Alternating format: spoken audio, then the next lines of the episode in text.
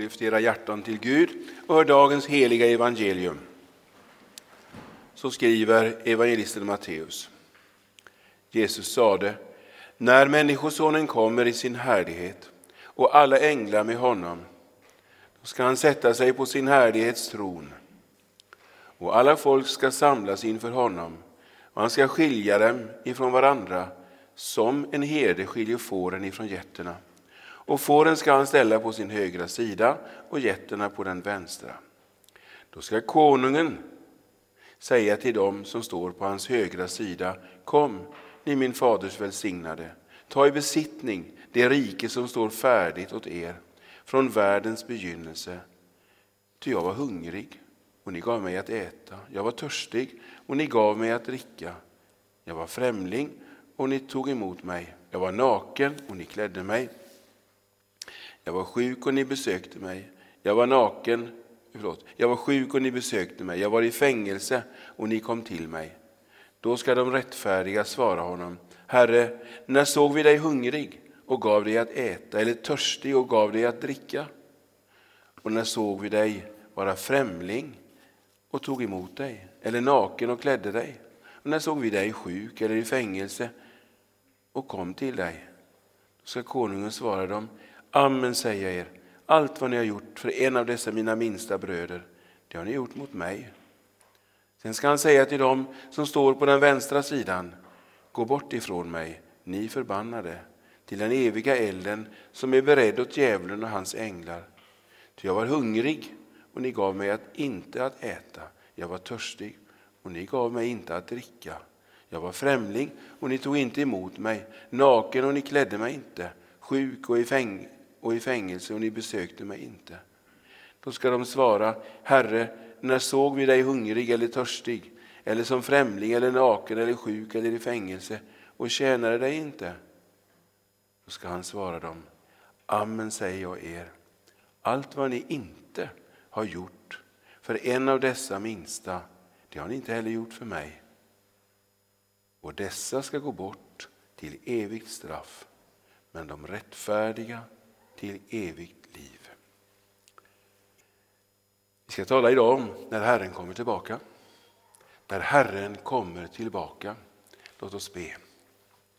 Herre, vi tackar dig för att du har skänkt oss syndernas förlåtelse. Och nu vill vi be dig om hjälp att tro att våra synder är förlåtna så som det har uttalats här i kyrkan idag. Ge var och en nåd att tro att det handlar om honom eller henne. Herre, hjälp oss att idag ta vara på ditt ord på ett sådant sätt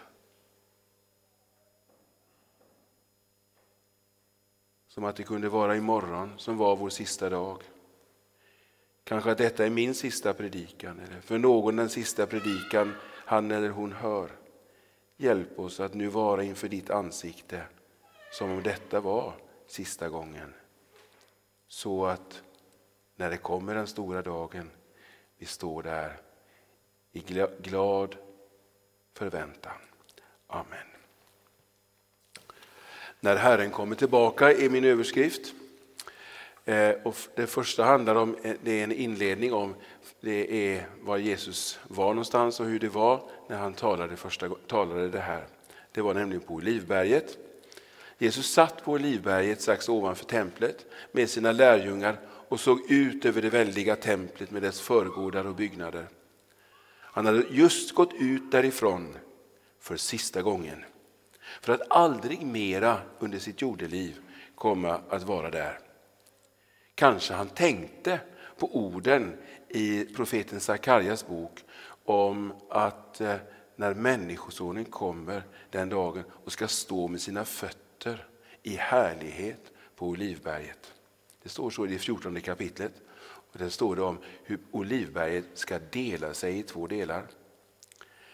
Han satt där nu med sina lärjungar, de tolv, och ja, ännu var Judas med. Kanske var där också en del av den större lärjungaskaran. Det var säkert en offentlig undervisning. Och han undervisade precis som han gjorde på Bergspredikans berg i början av sin tjänst, så som vi hörde om det på, på alla helgons dag här. Och han undervisade om det som händer när han kommer tillbaka. Om att vara beredd. Och nu har vi läst det undervisningsavsnitt här som var det allra sista enligt Matteus rapportering. Här sätter Jesus punkt för sin offentliga undervisning. I nattvardsalen skulle han sen ha en intern undervisning för sina allra närmaste. Ja, idag är det alltså domsöndagen. Kanske att det är någon som skruvar på sig och tycker det är lite obehagligt. Det är lite läskigt. Ja, visst. för det är ett oerhört allvarligt budskap. Och som präst kan man frestas att av hänsyn till människor vilja tona ner allvaret om den dubbla utgången. Om man nu inte är en sån där som tycker om läskiga skräckfilmer förstås och gillar att måla upp kusliga scener. Kanske att Jesus när han, att han tänkte där på vad hans trogne profet Jeremia hade fått höra Herren säga till honom. Tala till honom, nej förlåt, tala till dem alla de ord som jag befaller dig att tala. Ta inte bort något från dem. Efter sin uppståndelse skulle Jesus komma tillbaka och skulle han säga till sina apostlar och alla, det är ett av de sista mötena, lär dem att hålla allt vad jag har befallt. Ta inte bort något. Detta är Herrens ord till mig idag när jag står här. Bengt, ta inte bort något. Och då måste det också sägas också det som är mycket allvarligt. Men om vi låter texten stå där och vi ser efter vad Jesus säger så är det också alldeles fullt av underbara löftesstjärnor mot den mörka himlen. Den här texten är en av flera som mycket tydligt visar att det finns en dubbel utgång. Vi hör här hur Jesus talar om det stora skiljandet. Han talar om får och getter, om de förbannade och om min faders välsignade. Om riket som är berett från världens grundläggning och om den eviga elden som är färdig, ordninggjord för djävulen och hans änglar. Han använder orden gå bort eller kom. Jesus gav det här till sina apostlar för att detta skulle bäras ut i hela världen. Och nu når det oss på nytt. Vi har hört med våra öron och vi har läst i våra evangelieböcker. För så står det i skriften. Och verkligheten är ju att, att vi, var och en, ja just det, var och en av oss kommer att finnas med på den ena eller andra platsen. Alltså, jag kan peka på var och en och säga du kommer också vara på den e, en eller en, eller en annan plats där. Den stora uppståndelsen från de döda, det som vi bekänner i vår trosbekännelse strax, den för oss alla dit. Men det Jesus gör nu, det är i grund och botten att han ställer fram detta till tröst. Han vill visa att alla ni som tror på honom har något mycket stort och underbart att vänta. Han talar ju till sina lärjungar, till de som tagit emot hans kallelse, hans inbjudan och vill vara med honom. Nu ska vi se närmare på, på fyra saker i texten. Den första handlar om den stora dagen. den andra handlar om konungen. Det tredje handlar om härlighetstronen och det fjärde om de rättfärdiga och deras kärlek. Den stora dagen. Texten börjar med de orden när Människosonen kommer i sin härlighet och alla änglar med honom. Ja, då är vi framme vid världshistoriens allra största dag, världens avslutning och fullbordan. Den fullständigt annorlunda dagen. Världen har aldrig sett en sådan dag när han kommer i sin härlighet. Omgiven av miljarder av änglar. Och då, när han kommer, eller strax innan, så ljuder den väldiga basunen, eller kanske det var i trombon vi ska säga, som hörs ut, som hörs ut över alla kontinenter och alla jordens öar. Och alla döda står upp. Han ska själv förkunna i himmelsk makt, stå upp ni döda. Tänk, när Fridhems kyrkogård, som jag är på ibland, när den släpper ifrån sig alla gravarna. Ur varenda grav stiger de upp. eller på de andra stora kyrkogårdarna. Tänk den gigantiska Västra kyrkogården. Jesus sa en gång, det kommer en tid när alla som ligger i gravarna ska höra hans röst och komma ut. De som har gjort gott ska uppstå till liv och de som har gjort ont ska uppstå till dom. Så blev det alltså så ändå. Detta är överraskningarnas dag. Ingen tvekan om vad det är som har hänt. Alla förstår. Alla knän måste böja sig för konungen. Och med hjälp av miljarder av änglar har nu alla människor från jordens alla kanter, kontinenter och öar samlats. Människor från alla tider. Från medeltiden, från forntiden, från Egypten, från Persien, från Kina och så vidare. Och alla tider. De samlade inför honom. Och på konungens befallning har alla samlats i enlighet med konungens genomträngande öga. Antingen på den högra eller på den vänstra sidan. Och på ett ögonblick är det klart. Du som tror på Jesus, du känner igen honom omedelbart. Åh, det är han. Och ser in i hans ansikte och du ser att han inte bara känner igen dig, du ser att han känner dig. Han känner dig som sin, sin vän, sin brud. Och du ser, ja, ja, det är han. Han som har lidit döden för dig, tagit bort alla dina synder. Jag ser hans sår. Och du vet, det här är min frälsare, min bror. Nu kommer glädjen, den stilla, djupa, men också jublande glädjen. Och jag tänker att du brister ut i jubelrop. När du får följa med honom upp genom skyarna och himlarna till himlarnas stora Nobelfest. Men låt oss se lite närmare på honom, på konungen. För det är inte alla som är lika glada när de ser honom. Nej, det är ju han. Nej, hjälp det är ju han. Berg fall över oss och göm oss för honom som sitter på tronen, för Lammets vrede, står det i Uppenbarelseboken 6.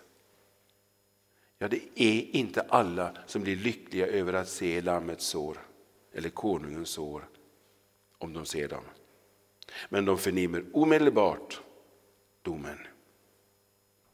Men du känner Jesus som Guds lamm som tar bort all världens synd och din synd. Du vet att han är det slaktade lammet och ditt inre jublar över att det är så.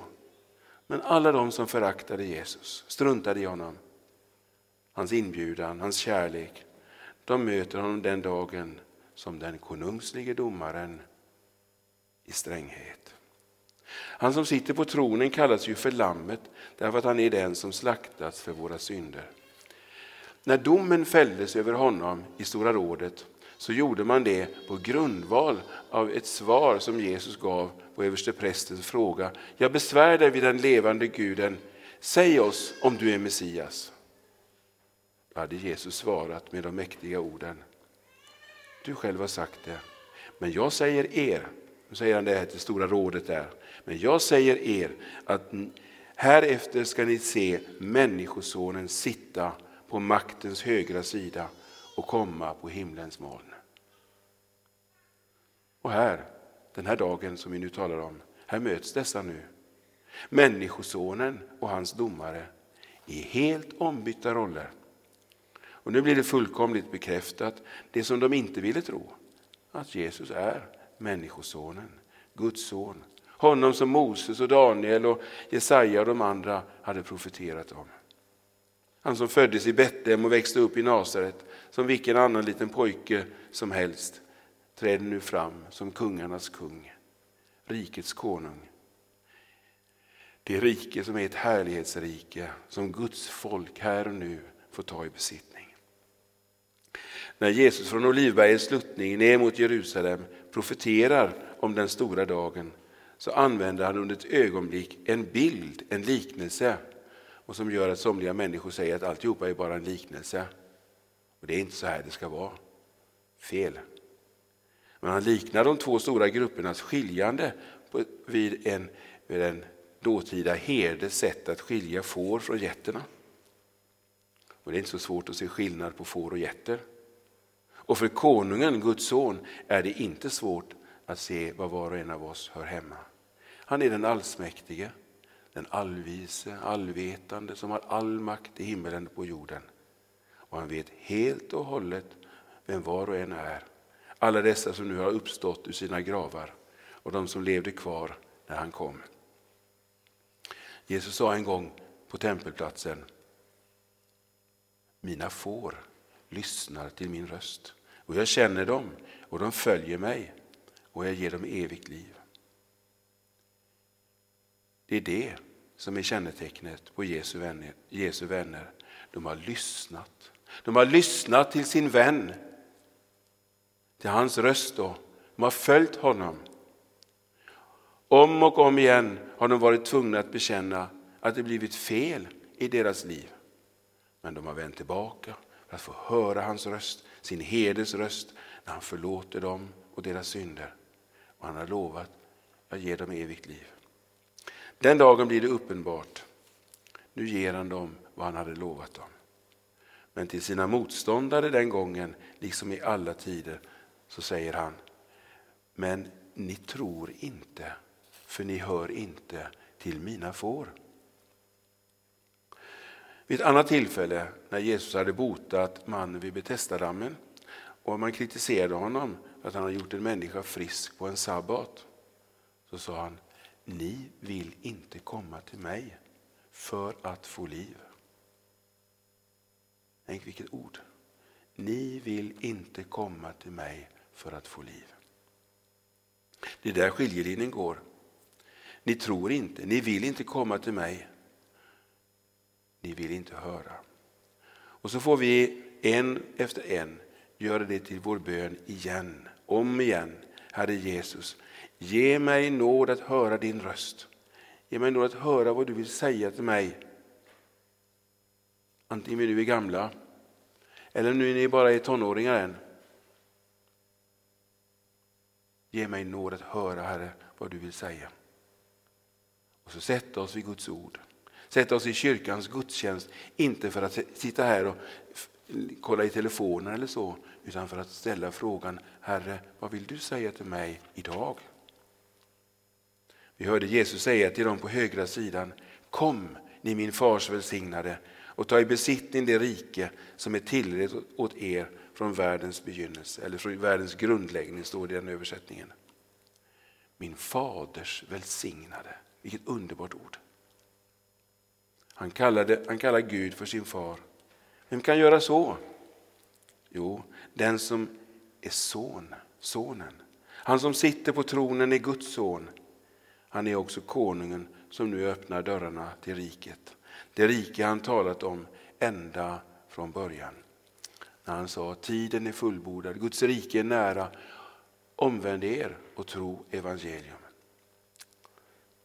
Ska vi stanna för just det där ordet, ta riket i besittning, sa Jesus till dem på högra sidan. Ta riket i besittning. Det ord som Jesus använder här för att ta i besittning, det han tar, betyder ungefär att ta emot eh, eller ta i besittning ditt arv. Om vi tar emot ett arv, vem gör det? Ja, i det vanligaste fallet är ju att det, vi tar emot det av, från våra avlidna föräldrar. Och det är det det handlar om här. Men det här är en bror som har lidit döden och som har berett ett arv åt oss. Jesus säger ta i besittning ert arv. Eh, Paulus skriver, är vi barn så är vi också arvingar. Kära medkristna, du som är en Jesu vän, du är Guds barn. Guds barn. Du har idag bekänt dina synder på nytt och tagit emot förlåtelsens ord. Och så är du Guds barn. Se nu framåt mot stunden när, som, eh, som också Jesus ser fram emot. Ja, vet ni det? Har ni tänkt på det? Att Jesus går och längtar efter den här dagen. När han ska få ta emot sin brud. Somliga av oss har fått uppleva den stora glädjen att ha en bröllopsdag när idag ska jag bli ska hon och jag bli ett. Den dagen ska Jesus och hans brud bli fullkomligt ett för alltid. Det fjärde är, eller näst sista är härlighetstronen.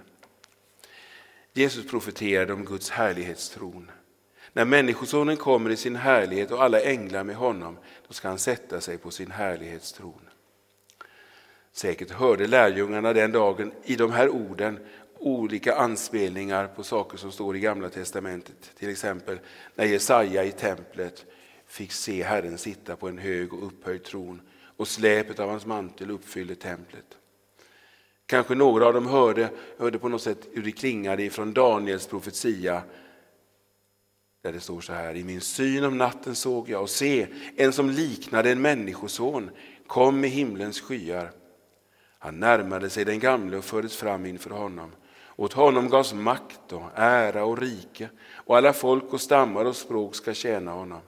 Hans välde är ett evigt välde som inte ska ta slut och hans rike ska inte förstöras. Kanske att Petrus tänkte på vad han och två andra hade fått se på berget när Jesus förvandlades inför deras ögon.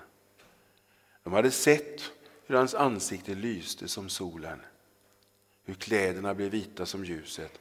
de hade hört rösten som sa, denne är min älskade son, lyssna till honom.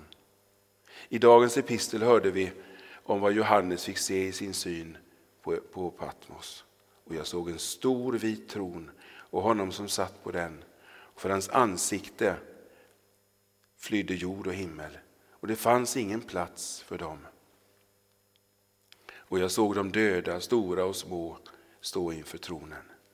Här kallas tronen för, för vit, vit, alltså strålande, full av härlighetsljus liksom Jesu vita kläder på förklaringsberget. Här antyds de omvälvande händelserna den stora dagen. För hans ansikte, står det, flydde jord och himmel. Det fanns ingen plats för dem. Det fanns ingen plats kvar för den gamla jorden och inte heller för himlavalvet, universum i sin nuvarande form. När han kommer ska han skapa nya himlar och en ny jord. Och Petrus tillägger, där rättfärdighet bor. Det vill säga där rättfärdigheten råder och där det bor rättfärdiga människor. Rättfärdiga. De rättfärdiga skulle gå bort till evigt liv. Finns det sådana? Finns det rättfärdiga människor? Då är vi framme vid det sista och avgörande ordet. De rättfärdiga och något om deras kärlek. Två gånger benämner Jesus människorna på hans högra sida som de rättfärdiga. Då ska de rättfärdiga svara honom, Herre när såg vi dig hungrig och gav dig att äta. Men de rättfärdiga ska, ska gå bort till evigt liv.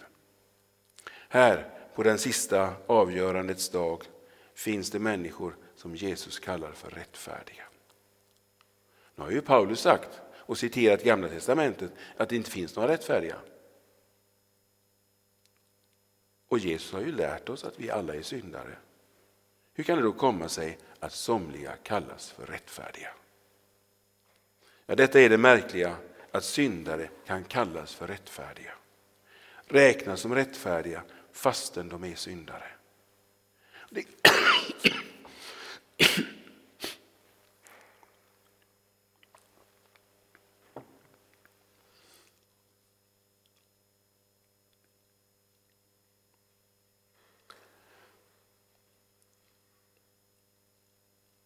Det går som en röd tråd genom hela Bibeln och det vi kan kalla för den heliga tillräknelselagen.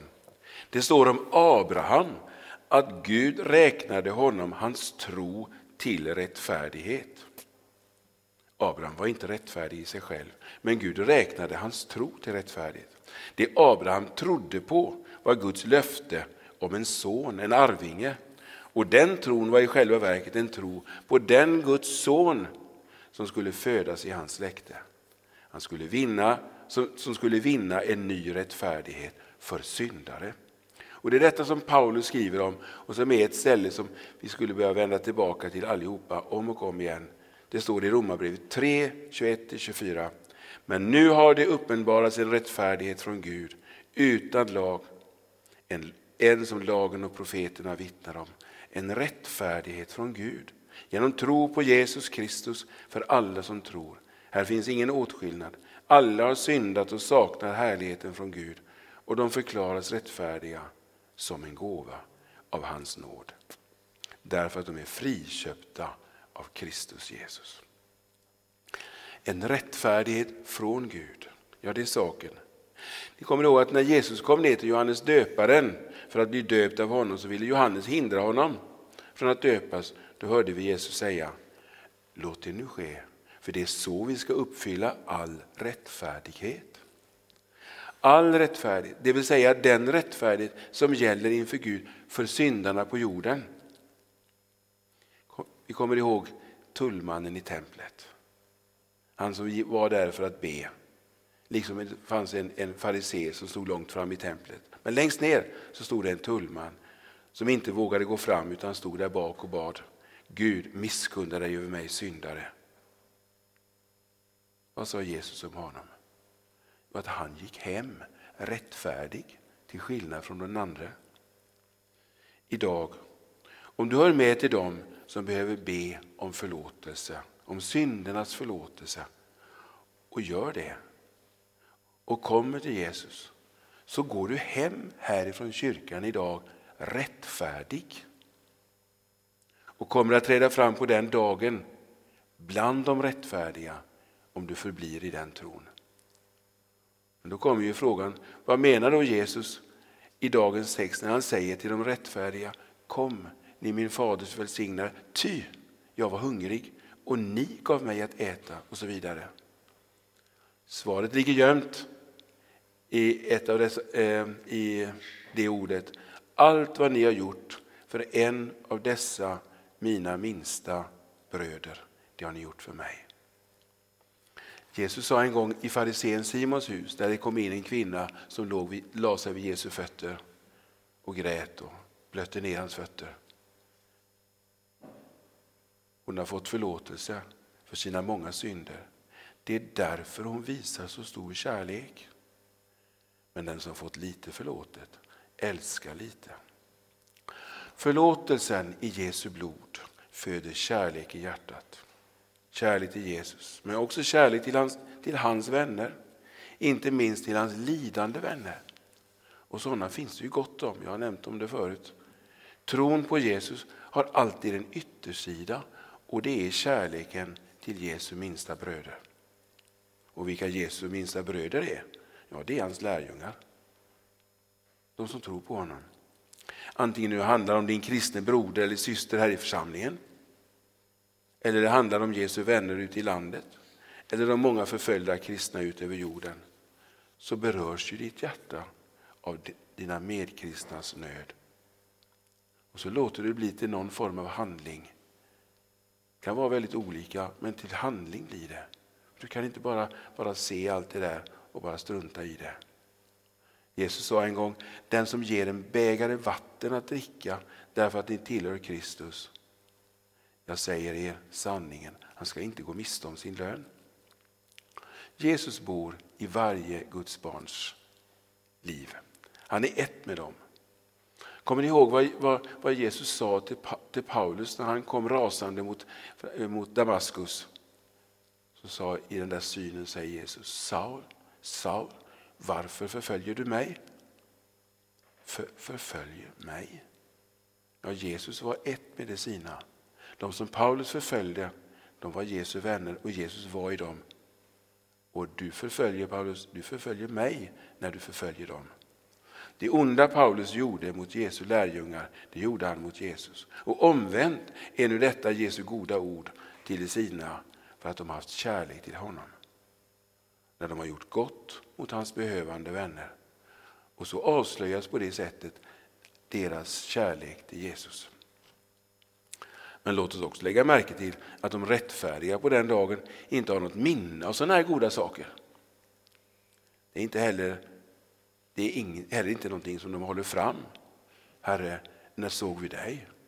Men, men det har vi inte sett.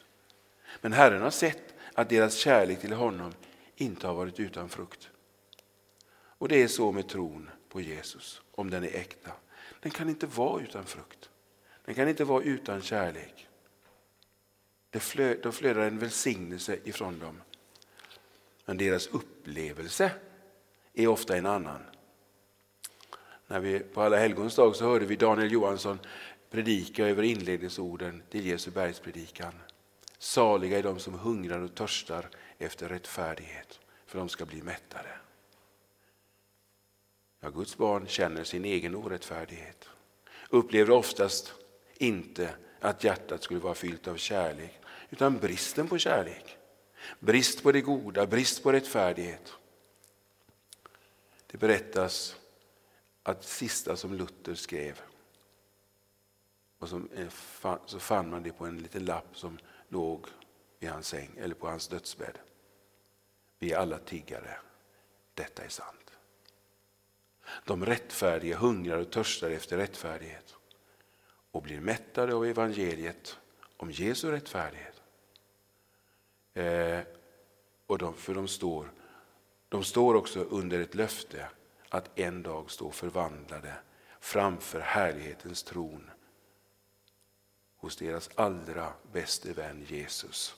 Han som också har det här namnet, vår rättfärdighet.